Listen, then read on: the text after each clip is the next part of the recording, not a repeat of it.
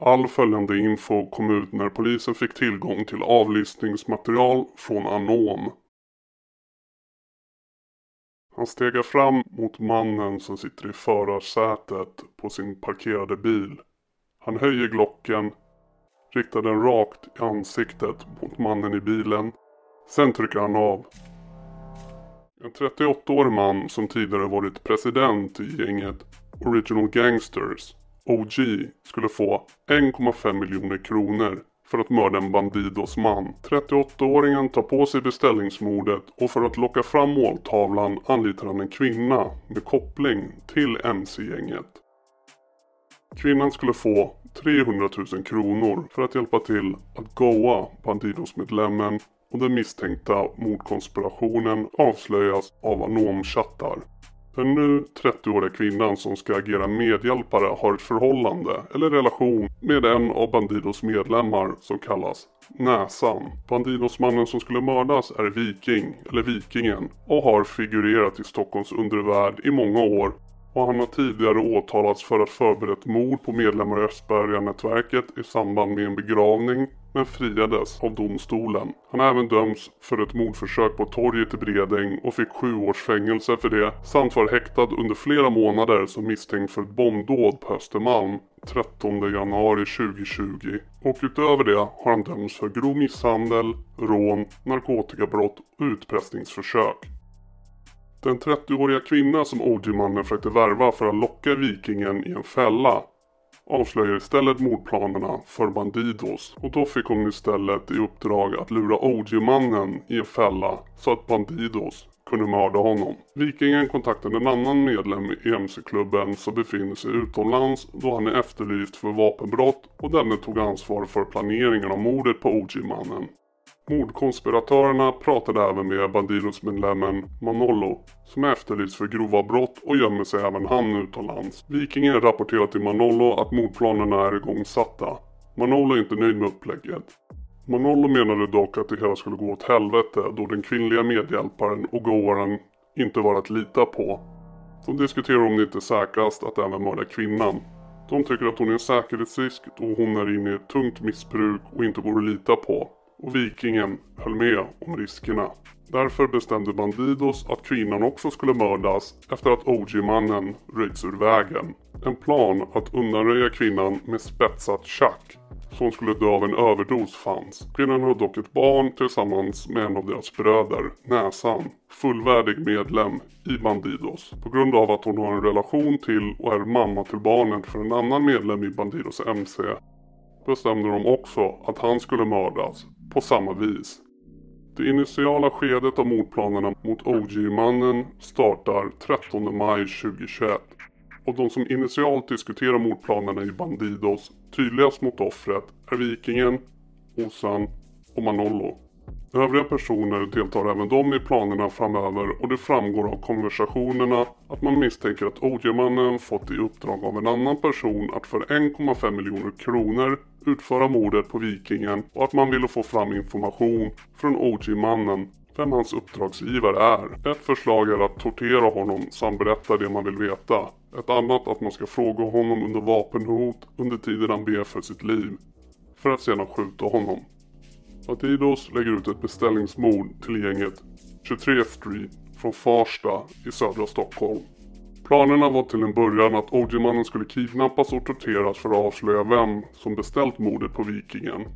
23 Street skulle få 250 000 kronor för uppdraget men senare ändrades planerna och mannen skulle enbart mördas och kidnappingen skippades för den ansågs för riskfylld.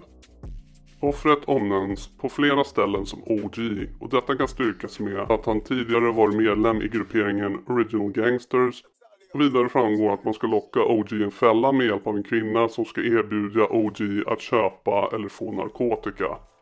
Denna kvinna är goaren, eller fällagöraren. Kvinnan, goaren och OG-mannen har kontakt igen via sms och kvinnan undrar om de ska ta en hotellnatt dagen efter. De träffas eller pratar dagligen, oftast om narkotika. För att kommunicera med goaren använder sig vikingen av Swag, också han medlem i Bandidos. Swag träffar kvinnan samma kväll på uppdrag av vikingen för att gå igenom mordplanerna. Swag tar med sig Anom-telefonen och fortsätter således mordplaneringen med Osan och delger honom informationen han får av kvinnan, goaren. Samma kväll tar Osan kontakt med 23 Street och erbjuder dem uppdraget. 23 Street svarar att de är redo för uppdraget. Dagen för mordförsöket inleds med mer detaljerad planering mellan Osan, Swag, Osan och 23 Street.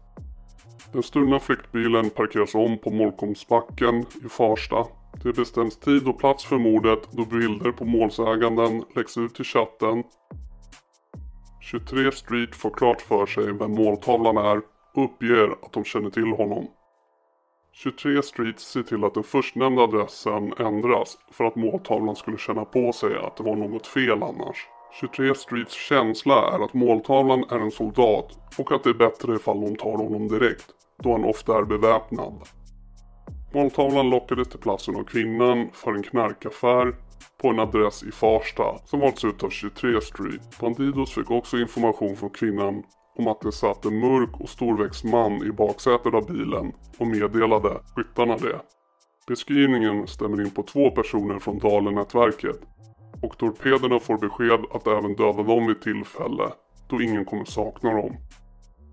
23 Street var sedan en tid tillbaka övervakad av polisen när de närmade sig den tilltänkta mordplatsen men inte på grund av mordplanerna utan för annan brottslighet gänget sysslar med. När måltavlan kommer till adressen och sitter i bilen och väntar så närmar sig två från 23 Street bilen beväpnade med två pistoler. Ena skytten är närmare måltavlan än den andra och höjer sitt vapen riktade mot ansiktet på måltavlan och trycker av. Men vapnet klickar och inget skott avlossas och enligt skytten själv direkt när pistolen klickar så tar måltavlan fram sin pistol och skjuter tillbaka mot torpeden och kör snabbt iväg från platsen. Skyttarna avbryter uppdraget och lämnar platsen. Polisen som övervakade 23 Street har tydligen inte sett händelsen när de försökte skjuta OG-mannen. Skyttarna rapporterade därefter det misslyckade mordförsöket till Bandidos och det visar sig att Glocken som klickade framför ansiktet på måltavlan har blivit laddad med fel typ av ammunition och därför fungerade den inte och mordförsöket misslyckades. Under följande dagar så försöker de återigen lokalisera OG-mannen för att döda honom, bland annat i Hammarby sjöstad, men lyckas inte få tag på honom igen. Därefter hade Bandidos ett möte om det misslyckade mordet och Näsan var då mycket upprörd över det hela. Mordplaneraren i utlandet, Osan, avfärdade honom och det beslutades att kvinnan, goaren, skulle flytta från Stockholm till Norrland då hon dessförinnan bott i klubblokalen. Efter att polisen pusslat ihop alla anonchattar som de fått av FBI tillsammans med det som var känt sedan innan från spaningen mot 23 Street och andra indicier häktades alla inblandade och misstänkta förutom de som befann sig i utlandet. Kvinnan greps i Norrland. Strax före jul 2022 avslutades rättegången mot kvinnan, Viking och Swag de utpekade mordbeställarna från Bandidos, Mikko och Dubbla M från 23 Street som ska ha tagit på sig morduppdraget och en annan man från gänget som hjälpte dem. Ossan och Manolo som befinner sig i utlandet åtalades inte. Och måltavlan som lockades till Farsta menar själv att han inte utsatts för något mordförsök. Brottet faller dock under allmänt åtal och inblandade kan därför ändå dömas. Viking, den ursprungliga måltavlan från Bandidos, döms till fängelse i 8 år för medhjälp till försök till mord. Swag från Bandidos döms till fängelse i 10 år för medhjälp till försök till mord, grovt vapenbrott och narkotikabrott. Kvinnan, gåaren, döms till fängelse i 9 år för medhjälp till försök till mord. Torpederna från gänget 23 Street fälls även de. Mikko döms till fängelse i 11 år för medhjälp till försök till mord förberedelse till mord och grovt vapenbrott. Malik, eller dubbla M, döms till fängelse i 10 år för medhjälp till försök till mord, grovt vapenbrott och ringa narkotikabrott. En annan medhjälpare från gänget, Alex, döms till fängelse i 4 år för bland annat medhjälp till försök till mord, grovt vapenbrott och brott mot knivlagen.